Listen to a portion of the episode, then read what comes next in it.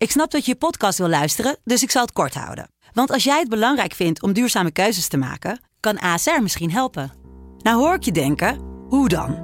Nou, bijvoorbeeld bij het duurzaam herstellen van schade. Of de premies die we beleggen volgens ons duurzaam beleggingsbeleid. Dat bepaalt waar we wel en juist niet in investeren. Wil je meer weten over welke duurzame keuzes ASR maakt? Ga dan naar asr.nl slash duurzame keuzes. ASR doet het. Zo, dan kan je nu lekker naar je podcast luisteren. Deze podcast wordt mede mogelijk gemaakt door bedcity.nl.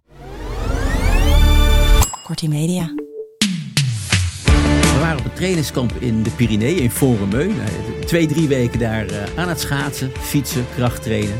Ergens in het begin van het seizoen, eh, eh, waarschijnlijk juni.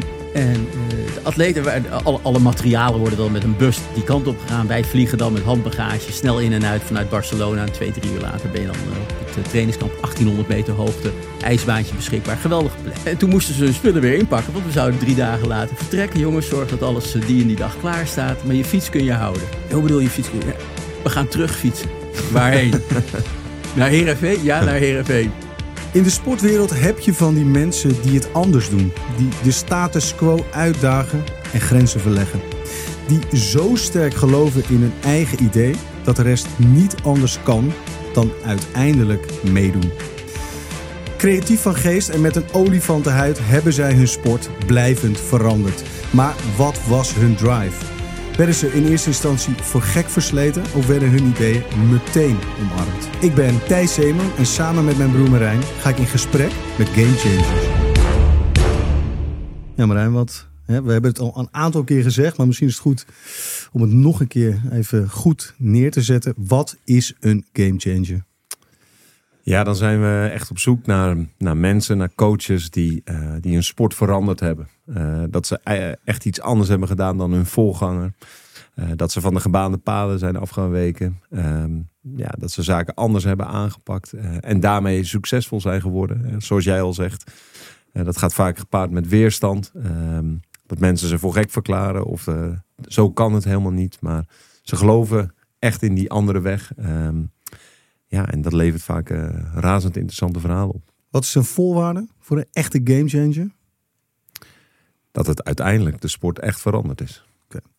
Ja, en dat kan in iedere sport zijn. In deze aflevering een sport waarin Nederland tot een van de beste landen behoort. Het shorttrekken. Met shorttrekkers als Shinky Knecht, Suzanne Schulting en Xandra Velsenboer heeft Nederland haar stempel gedrukt op het shorttrekken. Eerder dit jaar wonnen de Nederlandse shorttrekkers zelfs de helft van de medailles op het WK in Seoul in Zuid-Korea. Wat heb jij met shorttrekken, Marijn? Volg je het? Ik volg het zeker. Ehm, en ehm, ja, het, het, het interessante aan shorttrack in Nederland vind ik dat ehm, wij zijn echt een land van de lange baan. Eh, we hebben een enorme rijke historie als het gaat over lange baanschaatsen. Onze ouders hadden het vaak over Art en Casey. Die hebben wij zelf niet eh, zien schaatsen. Eh, maar, ehm, Wollen trui, wollen pakken. Wollen trui, Mart Smeets. ehm, ehm, ja, goed, weet je. eh rondetijden noteren op de bank. Ehm, maar goed, in, in zo'n cultuur eh, is het natuurlijk ontzettend moeilijk om een andere eh, sport eigenlijk eh, onder de aandacht te krijgen, wat ook op het ijs plaatsvindt.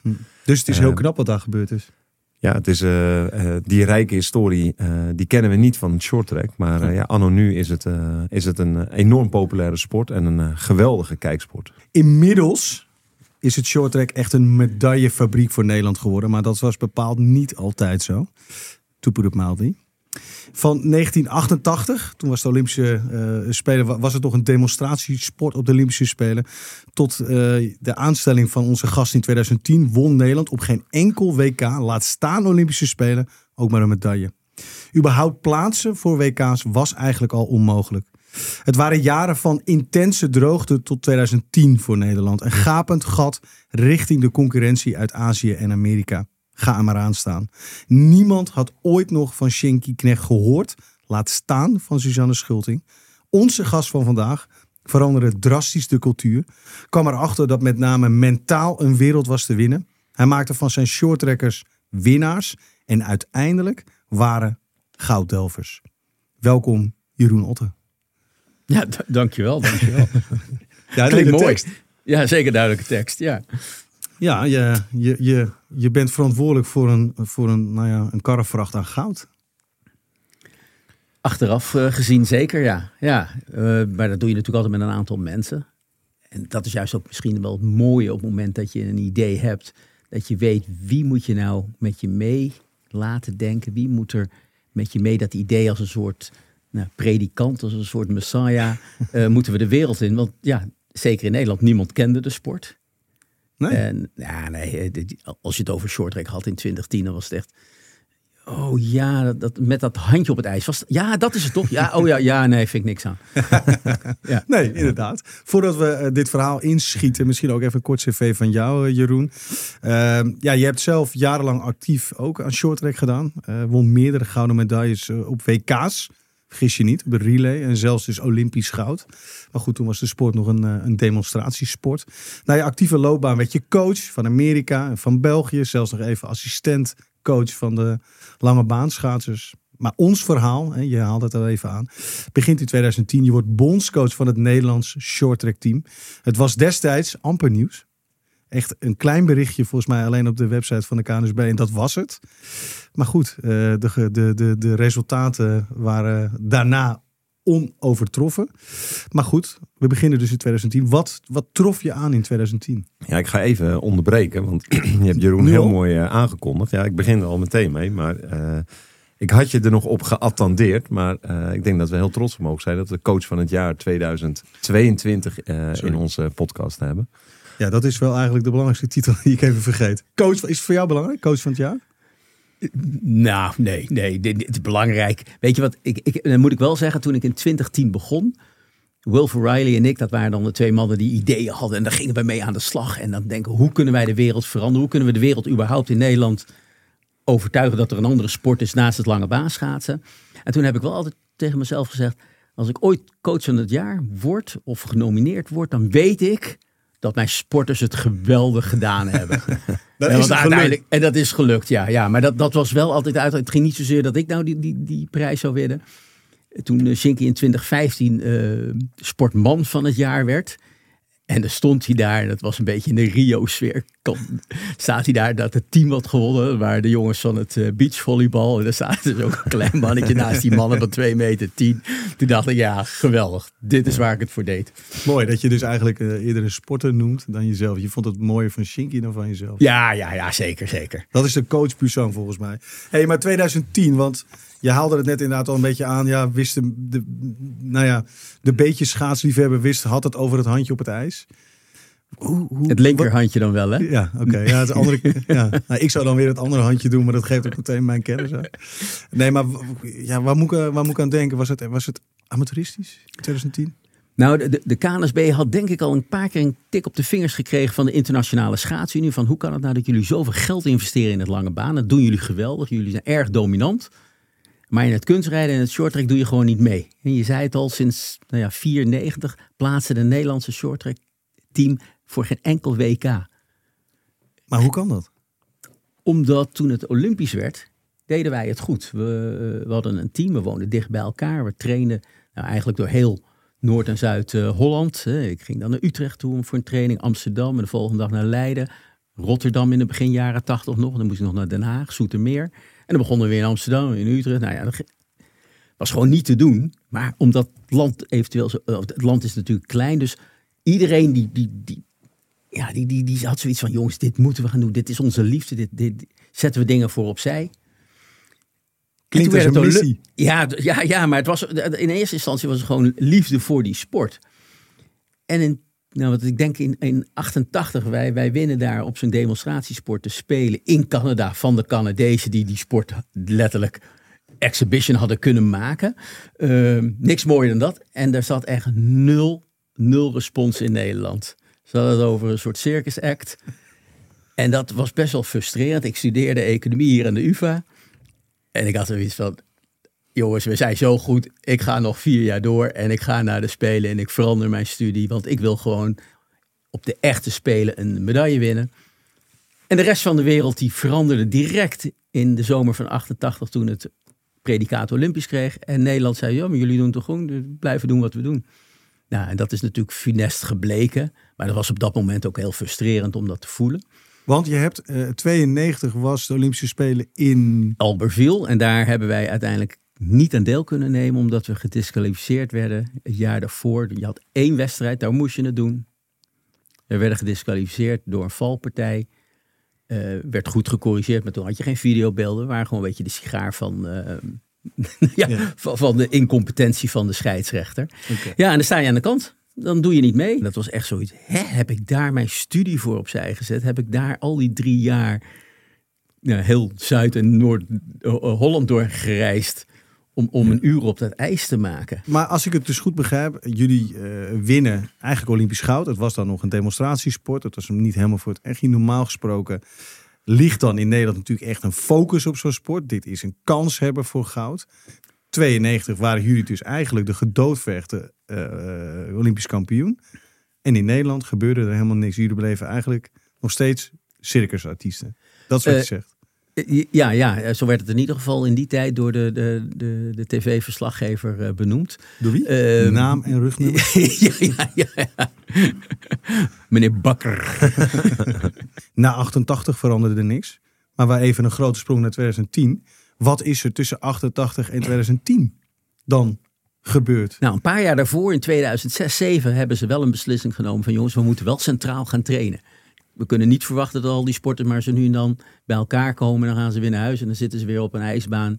Onveilige ijsbaan, weinig sparringpartners, slechte trainingsuren. Dus laten we dat in ieder geval cent- centreren. En dat werd in Heerenveen gedaan. En dan hebben ze een coach uit Canada aangetrokken. En die heeft een aantal dingen prima op de, op de, op de rit gezet. Maar dit, ja, daar, daar zat toch blijkbaar een grens op. En ze belden mij, of ze belden mij, dat is overdreven. Ze spraken mij aan in, eh, in Vancouver tijdens de Spelen. Of ik eventueel wat voor Nederland wilde doen. En de opdracht was, kunnen wij binnen afzienbare tijd Europese top worden? Nou, Europese top in die tijd was zeker geen wereldtop. En laten we nou eens dromen van podiumplekken op een wereldkampioenschap. En oh, oh, oh, vier, acht jaar van nu Olympische medailles. Maar dat, dat, dat, dat, Dat was, was het de signaal, dat was de opdracht? Dat was mijn, dat was mijn opdracht. Europese top in 1, 2 jaar. Zouden wij eventueel kunnen dromen? Mogen we dromen van eh, wereldtop in 4 tot 8 jaar? En dan, ja, dan hoort daar misschien ook een Olympische medaille bij. Dat was een beetje de opdracht die ik meekreeg. Voor mij was het veel belangrijker. En ik zei het net al. Prima, daar ga ik zeker in mee, die medailles. Maar ik wil gewoon dat mensen wisten wat die sport was. Gewoon, wat houdt die sport nou daadwerkelijk in?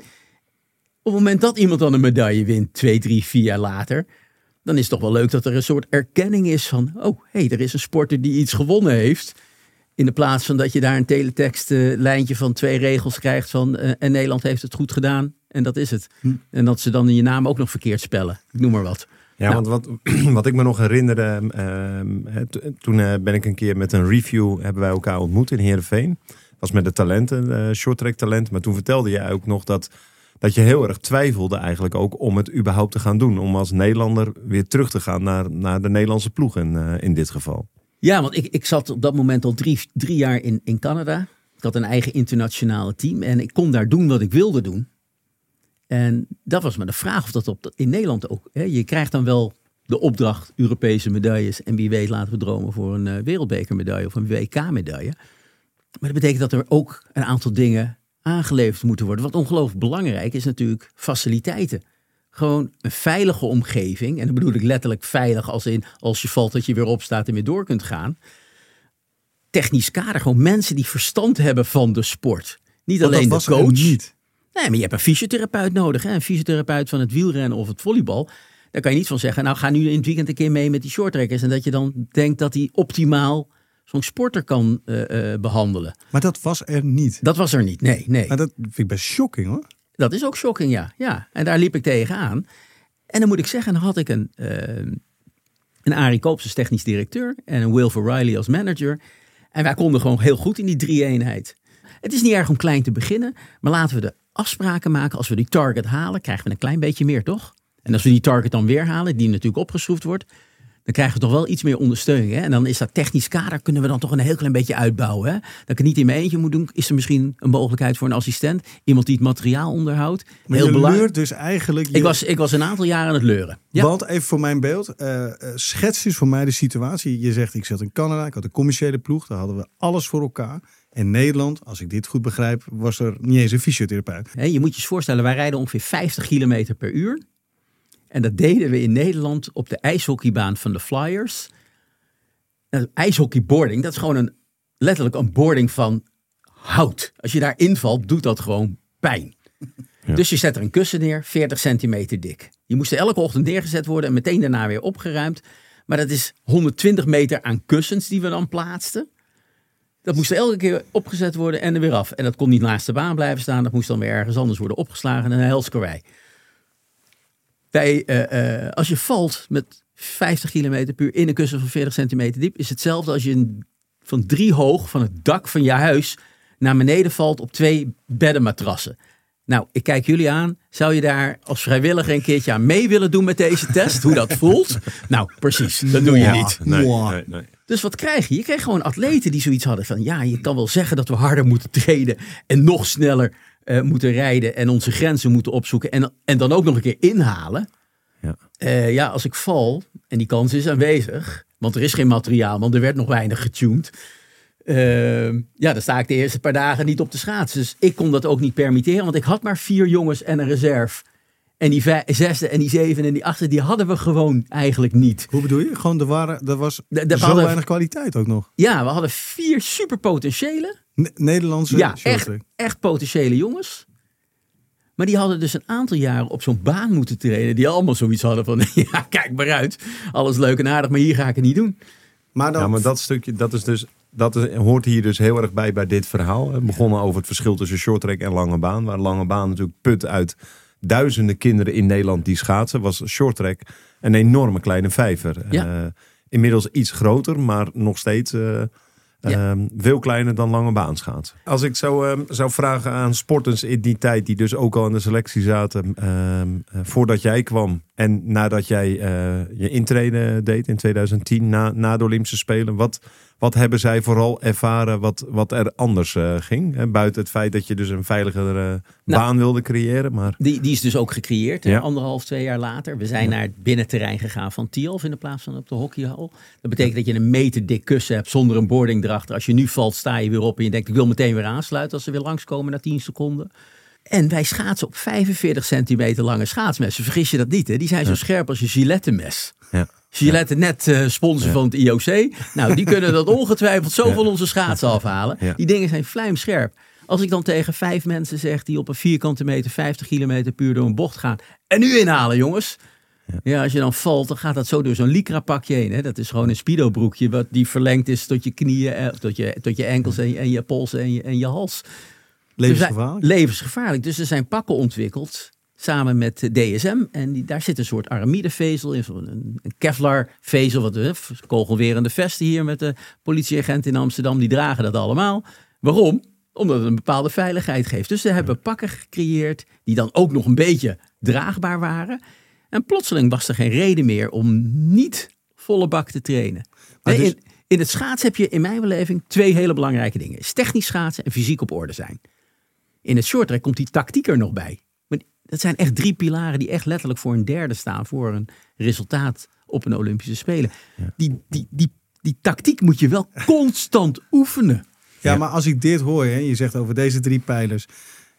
Waar je nu mee bezig bent, dat begrijp ik dus nu, is eigenlijk alleen maar de voorwaarden creëren. Waarna je eindelijk aan deze pilaren überhaupt toekomt. Ja, want ik ben hier even, je zegt het nu even in een soort van bijzin, we hebben pakken ontwikkeld.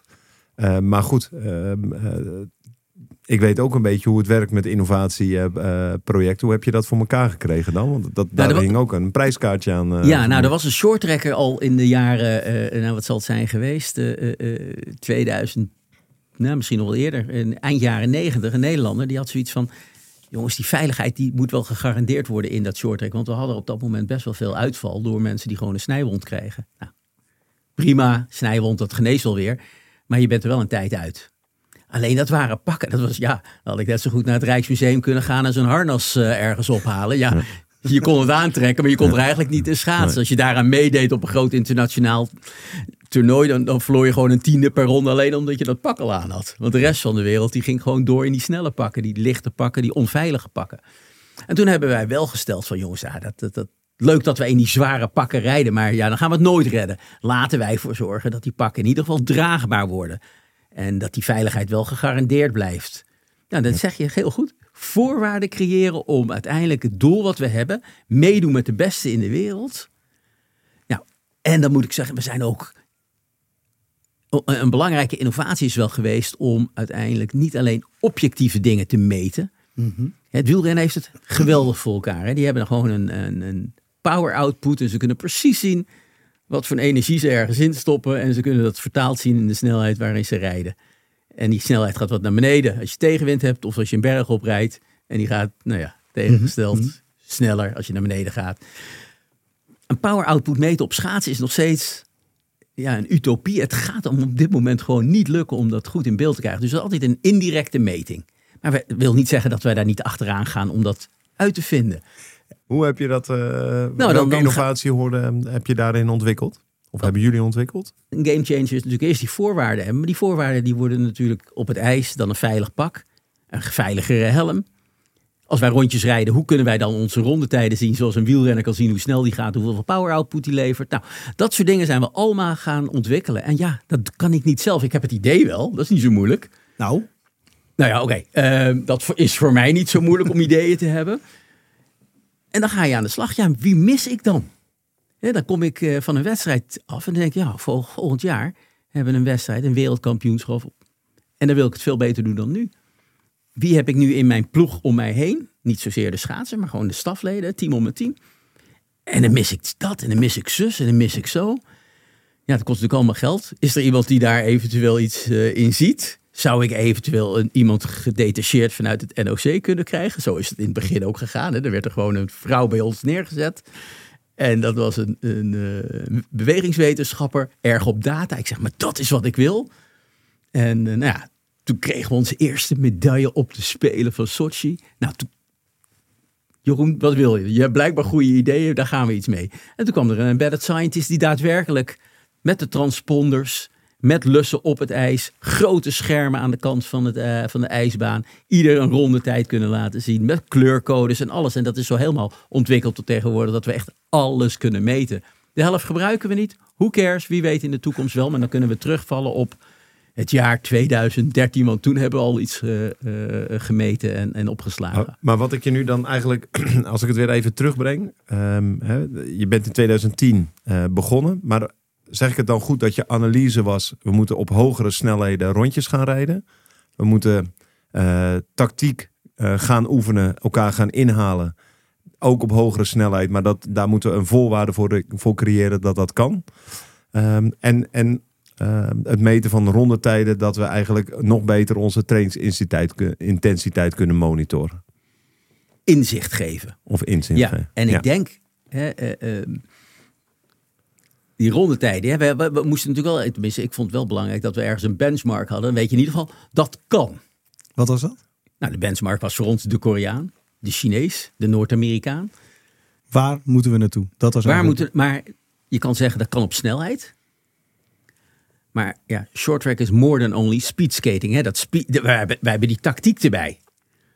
Dus hoe gaan we die tactiek nou trainen als we altijd maar met dezelfde mensen trainen? Hoe kunnen we dat deterministische gedachtegoed van onze sporters, van ja, van een Koreaan kan je nooit winnen, hoe kan ik dat doorbreken? Hoe kan ik ervoor zorgen dat die jongens afhankelijkheid van elkaar voelen? En dat het team een synergie vormt. Dat nou, mijn vijf jongens rondrijden alsof ze er tien zijn. Nou, daar zijn een aantal gedachtegoeden bij. En die ben ik gaan uitwerken. En dat betekent gewoon dat alles heel inzichtelijk moet. Ja, het moet heel transparant. Wat ik op het ijs doe als Shinky Knecht, dat mag een ander ook best wel zien. Voeg jij vandaag toe wat er verwacht werd dat jij zou toevoegen op die training? En als dat niet het geval is, kan jij tijdens die training al worden aangesproken door of de coach. Je ziet het zelf dat je moet aanpassen. Of door een van je teamgenoten. Ja, Shinky, je bent de beste, maar als, je, als dit is wat je levert, dat is niet goed genoeg. Maar dus, dit is eh, ehm, winnaarscultuur erin brengen meteen? Is Ja, dat een goed woord ja. ervoor? En, en- ja, want zo ben ik wel. Jongens, een Koreaan is een mens met een hoofd, twee armen en twee benen. Waarom zou die sneller schaatsen dan wij? Dan zegt de slimme, ja, ja, maar hij komt uit Korea. Ik zeg dat, dat- nee, ik zeg net, hij heeft twee armen, twee benen. Het ligt misschien allemaal wat dichter bij de grond omdat ze kleiner zijn. Maar Shinky, jij bent ook niet zo lang. Hè, dan moeten we het niet overdrijven. Ja, ja, ja. Het is gewoon een manier waarop jij die wedstrijd ingaat. En dan heb ik misschien wel een mooi voorbeeld in de beginjaren. En dan waren wij blij. Of de, nee, ik, moet, ik niet. De Nederlanders waren blij als ze het hoofdprogramma haalden. Dat betekent dat je de top 16 of de top 20 inrijdt. Je hebt het voorprogramma op de vrijdag. En als je dan daar oké doet, niet goed hè, oké doet, dan mag je op zaterdagmiddag en op zondagmiddag mag je starten. En dat was al een high five. En ik denk, maar we hebben alles voor elkaar nu. Hè? Dat was na anderhalf jaar. We hebben alles voor elkaar in Tialf. We hebben een veilige omgeving. We hebben één of twee stafleden meer dan dat we vorig jaar hadden.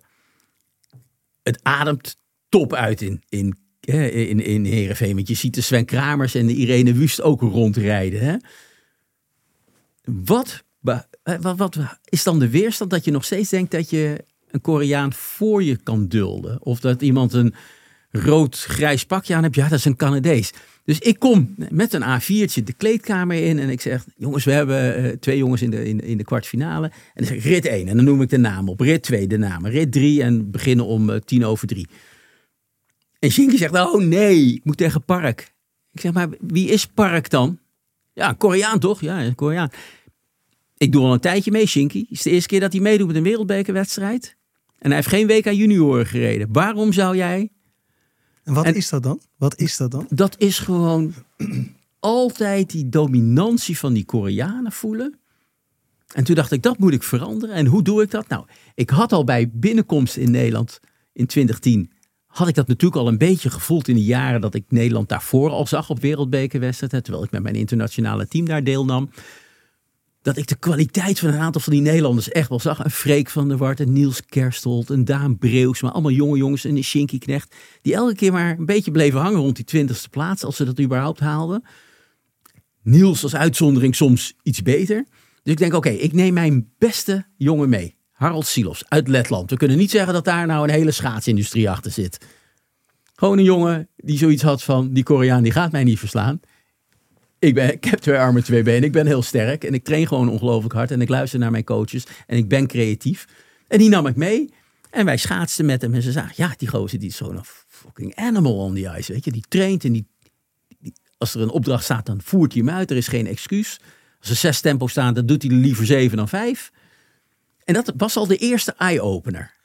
Alleen die tactiek, die was er nog niet. Wij konden nog geen patronen leren herkennen. Want iedereen reed er achter elkaar aan. Want dat waren ze al vijf jaar gewend vanuit de club en vanuit die Canadese coach. Ze haalden elkaar niet in. Ze haalden elkaar niet in. Het, was...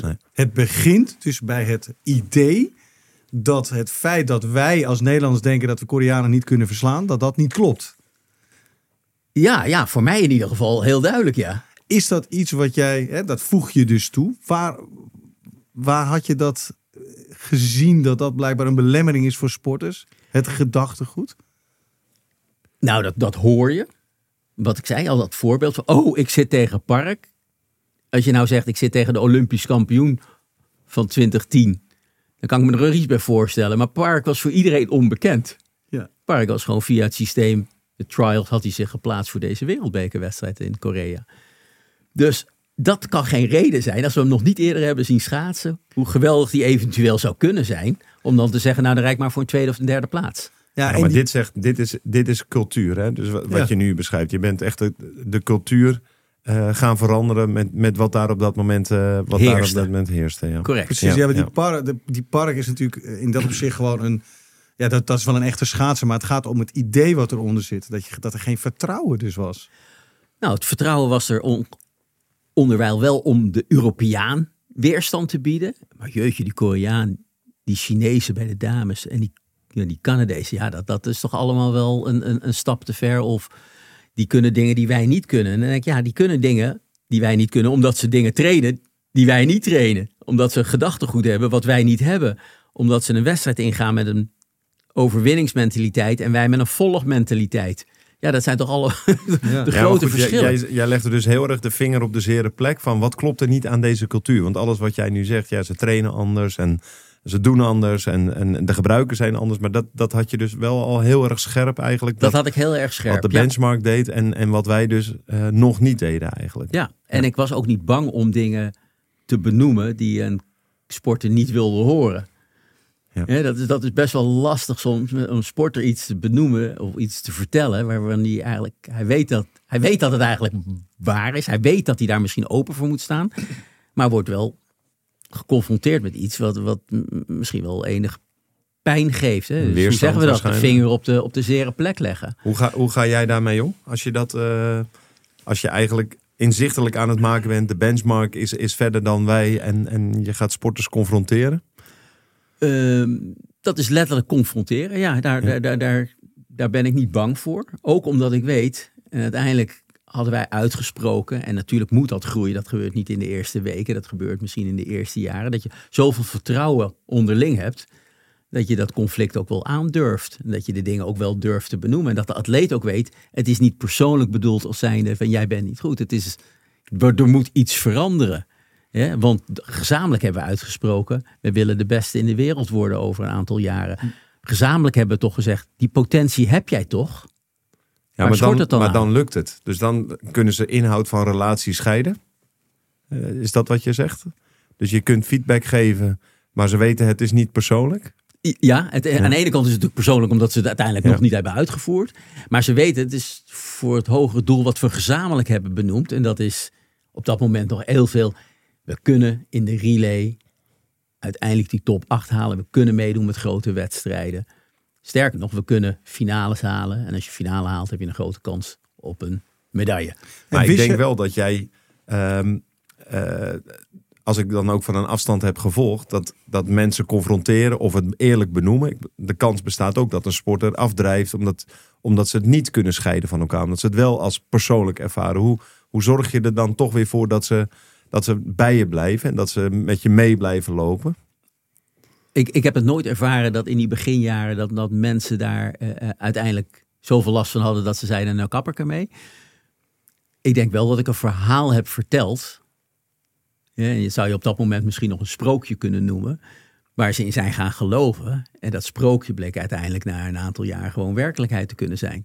Dat Nederland als lange baanschaatsland met een aantal sporters maakbaar op het hoogste niveau in het shorttrack mee kunnen doen. Die winnaarsmentaliteit, wat was jouw inspiratie? Hoe wist jij dat, dat, dat je mensen hun hoofd eigenlijk kun, dat je die kan veranderen? Misschien mijn grootste inspiratie was wel... Ik wilde Nederland gewoon kennis laten maken met de shorttrack sport. En daar hadden we medailles voor nodig. Dat is zo simpel als dat het was. Het was groter dan de sporter. Het was de sport zelf die ik in de markt wilde zetten. Ja, ik dit is heb- wel een heel krachtig verhaal. Hè? Want dit, dit vind ik ook een hele krachtige eh, boodschap. En ehm, En wat dan Wat- precies?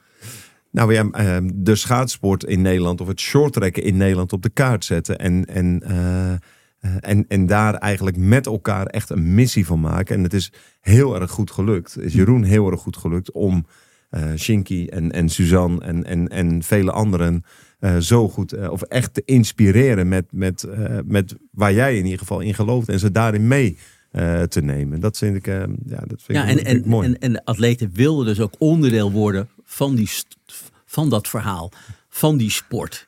Wat vertelde je? Wat, wat, ik kan voor je, je- eigenlijk wat ik me nu realiseer is dat jij met elkaar hebt gezegd van ja, maar we kunnen geschiedenis schrijven in Nederland. Wat was jouw verhaal? Ik had altijd voor ogen. Shorttrack, dat, dat moet een bepaalde bekendheid krijgen. Mensen moeten erkenning krijgen. Dus eh, als iemand wint, dan, dan moet hij ook herkend worden en erkend worden voor zijn prestatie. Maar op het moment, hè, wij, wij hebben een sport. Die, ja, je hebt een preliminary, je hebt een, een, een, een, een, een, heat, je hebt een kwartfinale, halffinale. Je, je, je, gedurende de dag Rondes in het shorttrack? rondes in het shorttrack. Het ging steeds verder en verder, net als in het tennis. Alleen bij ons gebeurt het allemaal in één dag. Je rijdt zomaar zes keer. Dat op een gegeven moment de televisiekijker thuis zegt, maar ik, leg er even weer mijn, eh, mijn laptop dicht. Ik doe even mijn laptop dicht. Ik doe even mijn werk weg. Want Shinky die is om kwart over twee weer aan, aan, aan, eh, aan de beurt. Want dan begint die halve finale. Want ik heb hem net in die kwartfinale ook gezien. Ik had even een drie kwartier ertussendoor. Shinky doet wel zijn ding. Ik ben even gaan werken. Maar ik heb de klok gezet. Want om eh, nou, dat tijdstip komt hij weer op het ijs. En ik wil hem volgen. En toen kwam er een, een, een, een, een, een comic, een, een stripverhaal in de krant.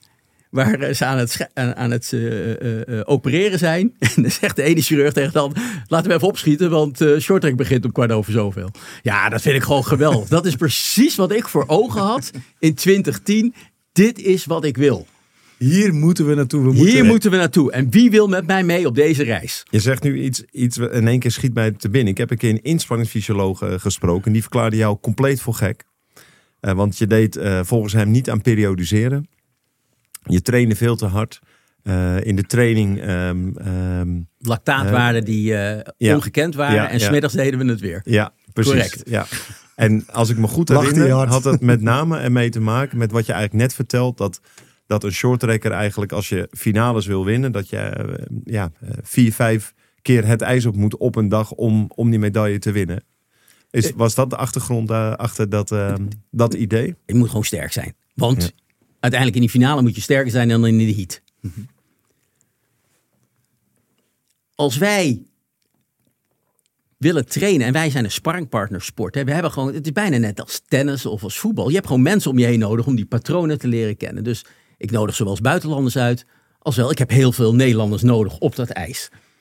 Dat kan alleen maar als die Nederlander gevrijwaard is. Dat hij elke dag moet werken om überhaupt een keer te kunnen trainen. Dus mijn eerste eh, eh, uitdaging was... jongens, wij willen in die top 8 komen op de relay. Want dan biedt het NOC een mogelijkheid, ja, financieel gezien... om onze potentie te kunnen bereiken. Top 8 in de wereld, dat betekent uiteindelijk dat vijf dames en vijf heren... volledig maximaal kunnen trainen. En als wij zeggen, we gaan om 9 uur trainen, s morgens dan ben je er. En als we zeggen, we doen het nog een keer om drie uur 's middags. Dat je niet zegt, ja nee, mijn baas zegt, ik kan niet komen of ik heb een andere verplichting. Is dan Dus- dat, je, dat je een A-status krijgt? Dat heet een A-status. Precies, Ja. dat je dan geld krijgt, zodat je eigenlijk professioneel je sport kan beoefenen, omdat em, ja, de overheid het betaalt. Eh, ja, het NOC die, eh, krijgt natuurlijk zijn gelden via VWS. En daar heb je een stipendium. En dat is eigenlijk een vergoeding voor de prestaties die je geleverd hebt. En dan kun je een jaar weer vooruit. En dat is niet, dat is, in die tijd was dat eh 70% van het minimumloon. Dus dat was niet echt heel veel. Genoeg om je sport te kunnen, bele- eh, eh, eh, kunnen, kunnen beleven, kunnen doen.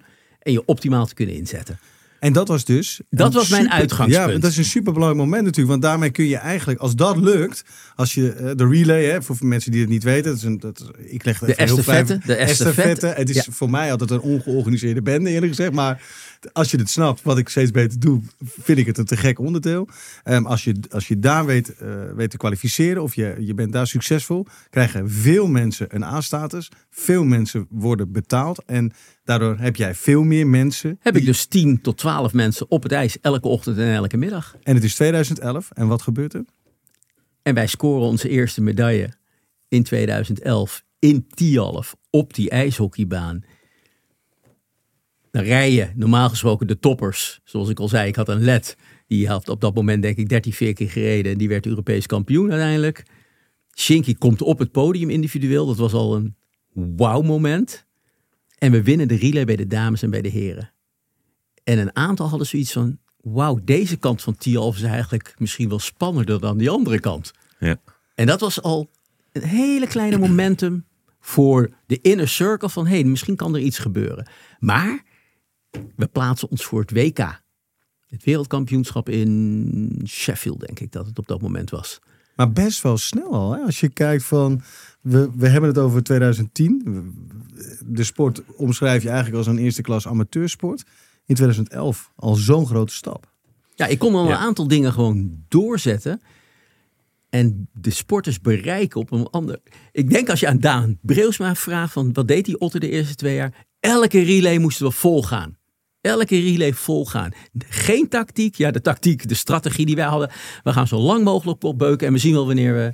En elke WK in de kwartfinale en dan halen we een keer een halve finale.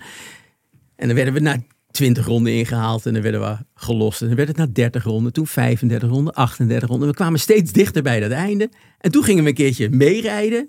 En toen was het een piece of cake. Dat is de investering die we nodig hebben, jongens en meiden.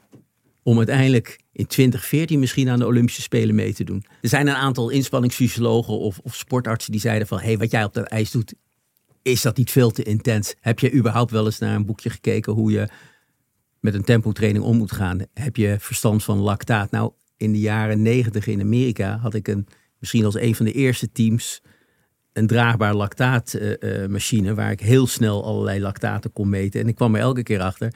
Het is hoog. Ja, het is weer hoog. Ja, het is weer hoog. Jeetje, het is hoog, hoog, hoog, hoog, hoog. Ja, hoog of heel hoog, dat maakte op dat moment niet zo heel veel uit. Het was ver over die grens heen.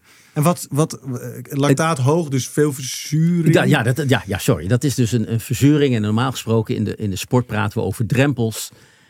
En een drempel van 6 millimol, hè, laten we dat maar even als grens aan. Nou, als je daar boven komt, nou, dan ga je wel heel erg in de verzuring. En dan heeft het lichaam niet de capaciteit om dat te verwerken. En dan is het opeenstapeling van. En dan zegt opeens het ene been bam. En het andere been bam. En dan sta je stil. Nou, in mijn beleving, wat ik al zei, wij moesten sneller. En dat kon ik op een aantal manieren doen. Ik kan zeggen, nou, we rijden een aantal rondjes heel snel en we zien wanneer het ophoudt. Of we doen dat in een intervalvorm. Een intervalvorm betekent dat jij twee rondjes heel snel rijdt, of andere 15 seconden snel. En dan krijg je van mij 45 seconden rust. En dan duwt iemand je weer op, 15 seconden snel. En dat bleek op een gegeven moment in die tijd een verhouding te zijn die prima werkte. Betekende dat de, wedstrijd, wedstrijdsnelheid die ik voor ogen had in die 15 seconden bereikt werd. En ze hadden genoeg tijd in die 45 seconden om even te herstellen, om daarna weer 15 seconden met een duw die snelheid te halen. Dus ze konden zich optimaal technisch voorbereiden op die snelheid die ik denk, nou die heb je misschien niet 15 seconden nodig, maar straks wel 90 seconden. Maar laten we maar eens kijken of dat met 15 seconden gaat. En wat voor materiaal heb je daar nou bij nodig? een schaats, daar zit een ronding in. Daarom kan je draaien, van links en naar rechts. Maar er zit ook een kromming in bij ons. Net zoals een, als een sneeuwski getailleerd is. En er staat er zo'n nummer op zo'n ski. En dan is dat de radius waar die het meest optimaal door de sneeuw gaat. Een slalomski heeft nou, een, een, hogere radius dan een, een, een, downhill ski. Ja. En dat heb je bij het schaatsen, bij het shorttrack schaatsen niet anders. Nee, omdat je natuurlijk eigenlijk bijna alleen maar bochten rijdt. Ja. ja.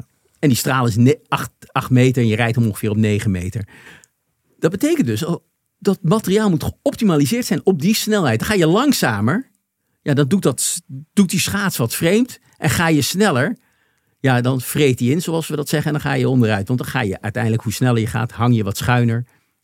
Misschien wat technisch, maar het optimale ja, tunen van je materiaal. Dus ik, ik heb letterlijk honderden rondes, duizenden rondes per, uh, per maand gereden op de snelheid waarvan ik dacht, daar moet je rijden. En dan was het maar 15 seconden. En dan was het maar weer 15 seconden. En dan was het maar weer 15 seconden. Ja, wat, wat levert het op uiteindelijk? Zo'n zo'n verandering ook in, in topmateriaal? Dat je uiteindelijk een materiaalman mag aan, aannemen. Die letterlijk de hele godganse dag bezig is met het tunen van het materiaal. Een andere ijsvloer betekent ander getuned materiaal. En is het ook sneller natuurlijk? Dat, dat is natuurlijk altijd de uitgangspunt. het, het moet snel, nou, het moet, het moet minder energie kosten voor een atleet om die snelheid te rijden. Dat is eigenlijk misschien het uitgangspunt. Dus maar je moet je eens voorstellen, wij reden heel driekwart van onze trainingstijd zat hem in intervallen waarin hooguit 15, 20 seconden gereden werd op de snelheid die je voor een 1000 meter nodig had. Toen zijn we het gaan verhogen, de snelheid. En dat betekent dat de rust misschien ietsjes toeneemt. En dan was het geen 45 seconden, maar misschien 60 seconden rust. En toen gingen we schurken aan de relay-snelheid. Maar dan moest het materiaal misschien weer wat getuned worden. En wat bleek nou in 2013? Hè, want ik, ik, ik ben wel van het gedifferentieerd leren. Dus betekent ook dat een shorttrekker in mijn beleving ook op ijshockey schaatsen moet kunnen staan. Starten was ons ook niet ons echte ding. 500 meter. Als je dat vergelijkt, nu hebben we drie dames op een podium. In die tijd eh, was het lastig om überhaupt in de finale te komen. Uh, en aan de hand van uh, uh, ijshockeyschaatsen te gebruiken, die zijn een stuk korter, gaat je frequentie omhoog. En kunnen wij met die frequentie die ze daar aanleren, kunnen we dan misschien een atleet uitdagen om op die shorttrack schaatsen, die vele malen langer zijn, een iets hogere frequentie te schaatsen. Kunnen wij met lange baan schaatsen een atleet leren hoe is het om te sturen met een ronding die vele malen vlakker is. En hoe kan het zijn dat je misschien geweldig bent in shorttrack en niet eens mee mag doen met het gewestelijk kampioenschap lange baan. Dat is toch apart? En waarom is, is, is dat nou? Kunnen wij ons nou niet aanpassen? Nou, wij trainen wat meer op de lange baan. Dan kan je ook wat makkelijker duurrondjes rijden. Bij ons, nou ja, wat ik al zei, de knallen de benen heel snel uit elkaar. Als we een minuutje of twee, drie achter elkaar rijden. En op de lange baan is dat wat makkelijker te doen. Wij reden dus driekwart van onze trainingen 15, 20 seconden in intervalvormen. De langste training die we op dat moment deden was misschien 15 rondjes. Dat is 2,5 hooguit 3 minuten. En Jurien de Mors wint op het Nederlandse kampioenschap de 1500 meter, de 3 kilometer en de 5 kilometer. Dus met andere woorden, ook vanuit een intervalvorm, vanuit een technische component, vanuit het opbouwen van lactaat, kan je dus blijkbaar 7 minuten achter elkaar op de lange baan schaatsen. Marijn, ik heb iets leuks. Ik heb iets leuks. We mogen namelijk namens onze partners, Team Jumbo-Visma, jou wel bekend, en in samenwerking met Bad City mogen we een aantal keer een prijs weggeven aan jullie, onze luisteraars. Ja, en, en wil je dat shirt uh, dus winnen, doe dan mee aan deze prijs graag. En de winnaar krijgt een uh, gesigneerd uh, Jumbo-Visma wielershirt, gesigneerd door Jonas Fingergal. Dat kan je winnen, een gesigneerd wielershirt. Ja, ja. Van de dubbelvoudig toerwinnaar. Dus dat is nogal wat, denk ik. Uh, je kunt hem winnen door mee te doen uh, op het juiste antwoord op te sturen voor de volgende prijsvraag. Dus let op, in welk zwembad zwom Pieter van den Hogeband het wereldrecord voorafgaand aan de Olympische Spelen van 2000? Dat is het alles, je? Voorafgaand aan de Olympische Spelen. Okay. Weet je dit antwoord? Stuur dat dan naar gamechangers.kortimedia.nl. En onder de goede antwoorden verloten we dan dat felbegeerde wielershirt. De winnaar wordt binnenkort bekendgemaakt via ons Instagram-account. Dat van Gamechangers. En dat kun je volgen via Gamechangers, de podcast. Succes!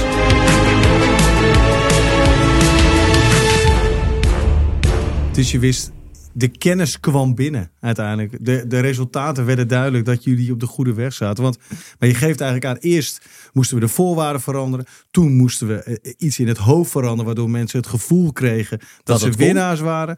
Vervolgens zijn jullie met het materiaal gaan kijken. We moesten naar de top, want daar willen we naartoe. Jullie hebben fysiek de testen gedaan om die, spelen, of die uh, schaatsers eigenlijk uit te dagen en te laten zien dat er veel meer mogelijk was.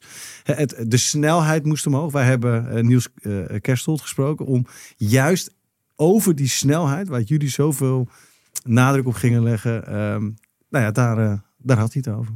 Toen hij net coach werd van de Nederlanders, toen uh, gingen wij qua rondetijd gingen we wel snel vooruit. Maar we reden nog niet onder de 8,5 seconden per ronde.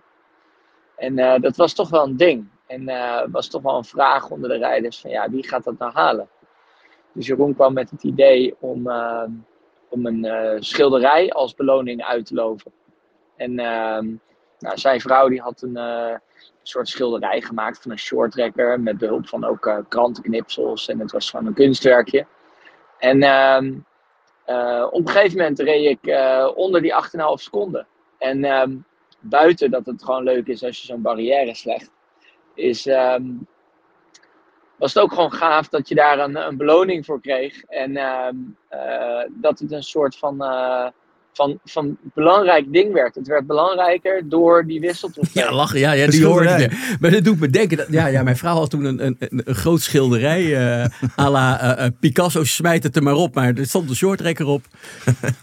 en iedereen die... Ja, Niels was de eerste, weet ik niet meer.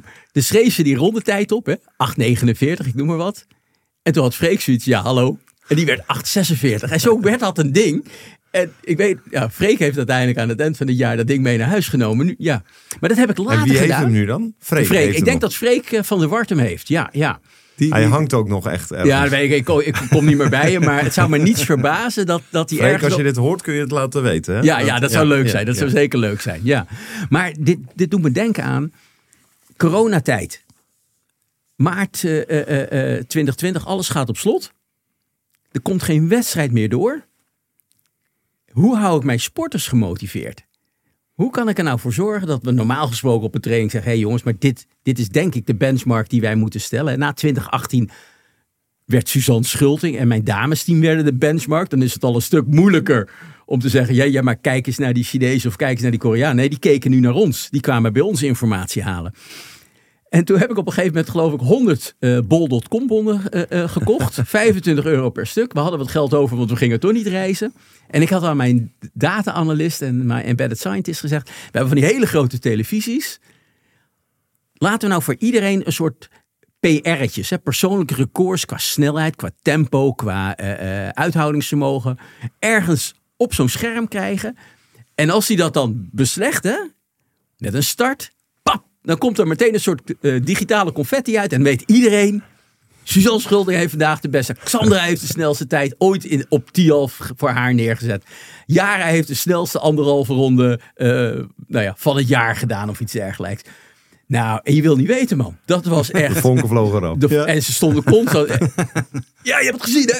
Waar is die? Waar is die? En dan had ik hem toevallig net niet in mijn binnenzak zitten. Dan kon ik naar de kleedkamer gaan om hem op te halen, om hem uit te delen. Ja, dat werd echt een ding. En dat was wel mooi, want je, je kwam er opeens achter. Ik weet niet hoe jij dat hebt ervaren met het wielrennen, maar er zijn atleten dus letterlijk echt heel erg vanuit zichzelf gemotiveerd om dingen te doen. Die vonden het prima om op het bord te zien dat ze een honderdste seconde sneller waren dan vorige week. Maar er waren atleten die echt misten om in die spotlight te staan. Om een medaille te winnen op een wereldbekerwedstrijd. Om een interview te geven. Om bloemen mee naar huis te nemen. Om zichzelf ergens terug te zien. Om te laten zien aan de wereld. Hey, hier sta ik. Zo goed ben ik. Ik wil die erkenning.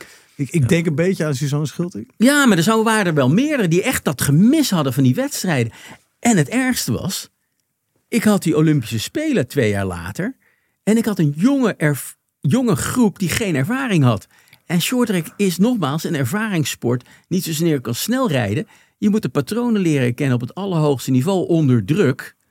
En welke beslissing neem je dan? Dus die hadden geen wedstrijden. Dus ik moest iets anders verzinnen. Je moest ze de, de, de, Ik de moest ze slingers een- geven, letterlijk. Ja, ik moest je in een wereld brengen die normaal gesproken maar zes keer per jaar langs kan. Een soort kunstmatig in Tialf. En we hadden dat dan ook zo, dat als de lange baan dan reed, die zagen dat soms natuurlijk ook, dat, dat op een gegeven moment heel erg hard geklapt werd door, door, door die andere 19 op het ijs, dat iemand dat dan haalde.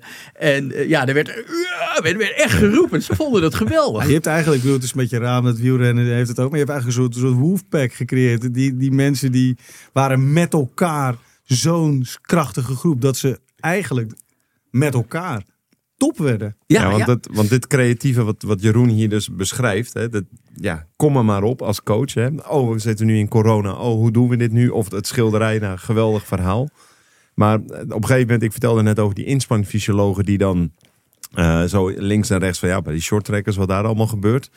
Ehm, hè, dat verstomde uiteraard toen de medailles begonnen binnen te, te, te, te stromen, wil ik wel zeggen.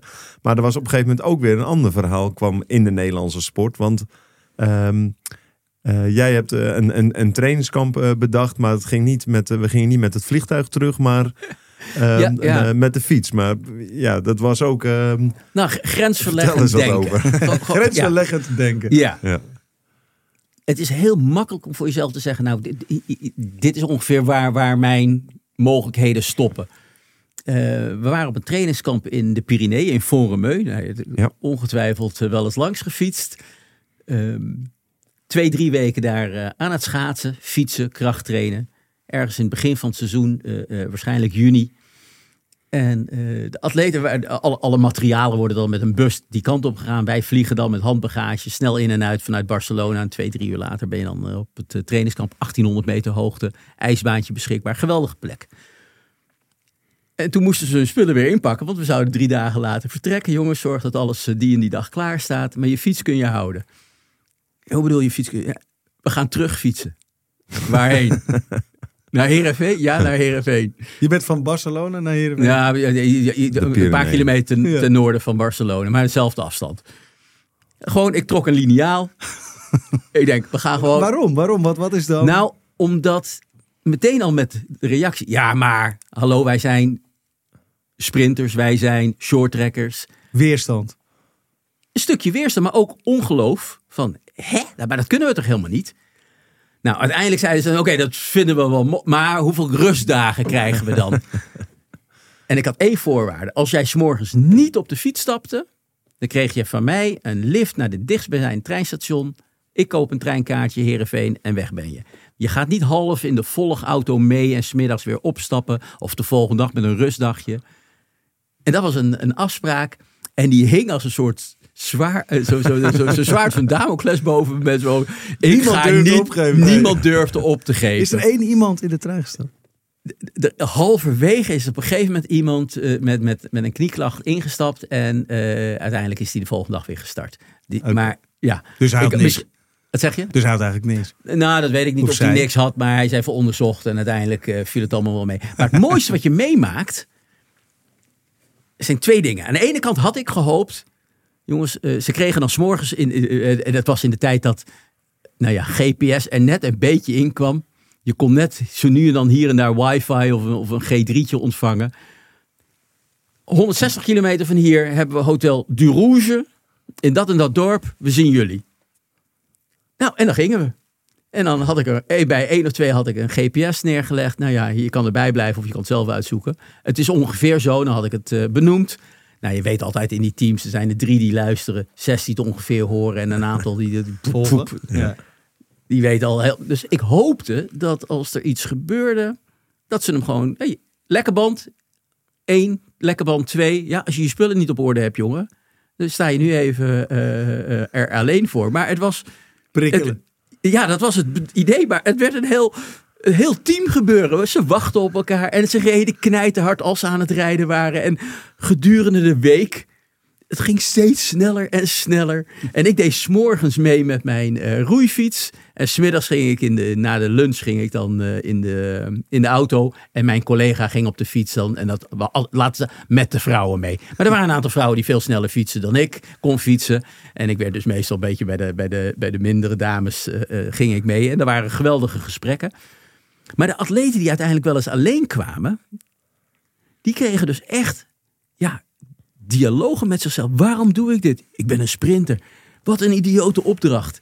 En uiteindelijk heb ik dat een aantal keren in de carrières van atleten gedaan. Hè? Om het jaar wel iets. Om, maar is dat wat... eh, eh, Om, eh, om, om ze uit die comfortzone te trekken? Om ze om ze te, weerbaar achter- te maken? nou, om achteraf de atleet te doen beseffen, zo erg was het eigenlijk helemaal niet. En wat heb je daaraan? Omdat het gaan naar een grote wedstrijd soms ook wel eens een iets engs zou kunnen zijn. Die zien beren op de weg, Olympische Spelen. Jeetje mina, nu moet ik het gaan doen. Kan ik het wel? Dus je geeft ze een ervaring dat eigenlijk te vergelijken is met, met, met zo'n grote angst. Want meedoen op Olympische Spelen kan ook angst zijn. En dan hoop je dat ze daar denken, toen viel het ook wel mee. Ja, en ik hoop, en dat is later vaker gebeurd, dat ze uiteindelijk hè, eh, de, marmot. Nou, nogmaals, ik heb atleten die gewoon in 40 seconden die 500 moeten rijden. En dat is het enige wat ze moeten doen. Dan is zo'n marmot fietsen best wel lastig. Dat, is, dat is vijf bergen op, op één dag. Ja, en dat is 180 Dat is kilometer de, plus. de Croix de Fer, dat is eh, de Telegraaf, dat is de Galibier en dat is Alpe d'Huez. Voor Dat een is echt... sprinter. eh, Ja, en dan de la- en het laatste vlak. De de hotel, dat was ook nog heel gemeen gekozen. Het hotel zat aan de voet van de Alpe d'Huez. In Bourges de whatever. boek dat zo. Ja. Ja. En ze komen dus, je rijdt langs je hotel en je moet dan nog die Alpe d'Huez op. En je hebt al 150, 160 kilometer op je fiets gezeten. Wie, wie slaat af? Wie denkt nou, het is wel genoeg geweest? En? Niemand. Niemand. En twee dagen later wilde ik hem andersom fietsen. Nou, toen was het blijkbaar heel slecht weer ergens ver weg. En toen hebben we vier of vijf keer de Alpe d'Huez maar opgefietst. Mooi. En iedereen doet het. En Ja. iedereen had zoiets, jongens. Ik weet dat ik het eigenlijk niet wil doen. Maar ik weet wel dat het mij uiteindelijk sterker maakt. En ik ga in eh, met mezelf in gesprek.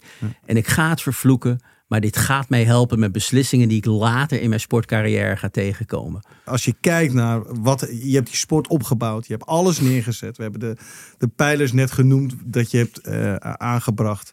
Ehm, je hebt winnaars daardoor van ze gemaakt. Je hebt ze weerbaar gemaakt. Even kort, in 2018 wordt uiteindelijk, eh, denk ik, behaal je het grootste succes? Olympisch goud. Suzanne Schulting.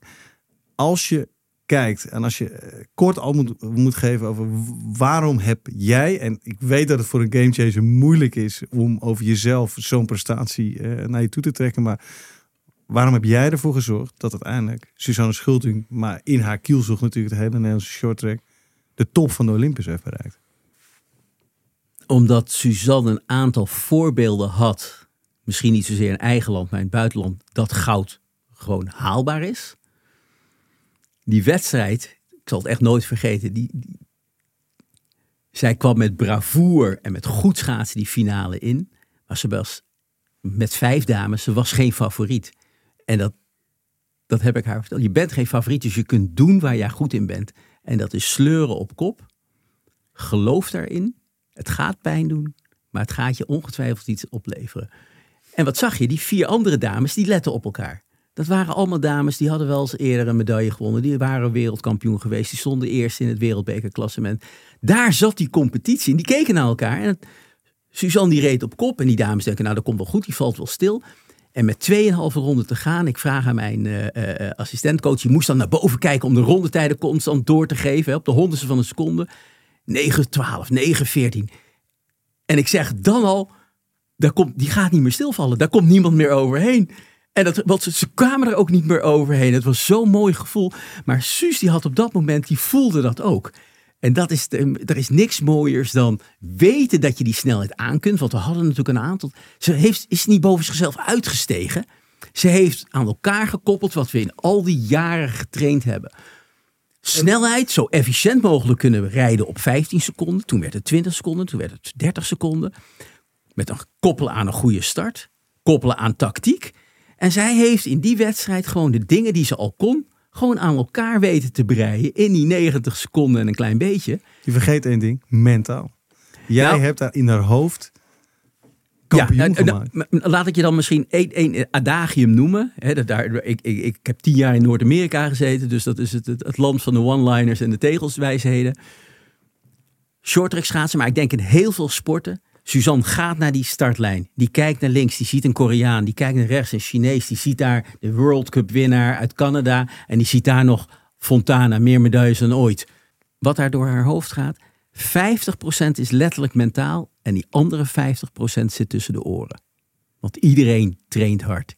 Iedereen heeft een geweldig team om zich heen. Wie gelooft in het programma wat ze hebben gedaan? Nogmaals, als de luisteraar het niet helemaal begrijpt, 50% is mentaal en de andere 50% zit tussen de oren als je op zo'n finale staat tijdens een Olympische Spelen. Nou, dit is wel een slotakkoord waar we van konden dromen. hè? Ja. Wat, wat, wat Jeroen heeft gedaan is, is letterlijk eh, de sport, de shorttrack sport in Nederland veranderd. Nou, veranderd, opgebouwd. Opgebouwd, ehm, eh, ja, opgebouwd en veranderd. Eh, en met name eigenlijk eh, een pad gevolgd eh, en eigenlijk zijn eigen pilaren benoemd. Hè, we hebben gehoord, ehm, eh, materiaal hebben gehoord, training hebben genoemd. Of eh, gehoord, we hebben strategie, tactiek gehoord. Maar ook heel nadrukkelijk team. Want ehm, uiteindelijk ehm, het, het prachtige voorbeeld van, van die tocht terug. Hè, n- nu vertel je het altijd en ja, zo is het gegaan en daarom werkt het zo goed. Maar ga het maar eens doen. Ga maar eens voor die groep staan en zeg ja, jullie gaan naar huis rijden. Daar heb je ook natuurlijk wel echt, ehm, echt overtuiging en lef voor nodig. En die groep meekrijgen. En ik denk dat als we naar het huidige shorttrack kijken. Er is een programma opgebouwd sinds dat zij eh, zich ermee zijn gaan bemoeien. Is de sport blijvend veranderd. Ehm, hè, nieuwe coaches die, eh, die volgen min of meer wat Jeroen heeft neergezet. Hij heeft eigenlijk een, een, een filosofie eh, opgebouwd. eh, ja, wat nu nog steeds wordt eh, gevolgd. Ehm, ja, dus het is ehm, wederom heel, heel leerzaam voor, voor coaches. leerzaam, inspirerend voor, voor sportliefhebbers. Dus ja, ik, ik hoop dat de luisteraars net zo hebben genoten als, als wat wij hebben gedaan. Je zei, eh, mijn missie is geslaagd als mensen hun laptop eh, even aan de kant zetten om, eh, en de klok zetten eh, wanneer Shinky weer gaat. Nou, ik ben zo iemand geworden. Ik, eh, ik heb ongelooflijk zin in de komende Spelen. Dankjewel voor je verhaal. En dankjewel dat je shorttrack naar Nederland hebt gebracht. Ja, luisteraars, je luisterde naar Game Changers. Mijn naam is Thijs Zeeman en naast mij zit mijn broer Marijn. Abonneer je op onze podcast in je favoriete app. Dan krijg je een melding bij een nieuwe aflevering. Tips kunnen naar gamechangers.kortimedia.nl. Korti is met een C. Dank voor het luisteren en graag tot volgende. Deze podcast wordt mede mogelijk gemaakt door bedcity.nl.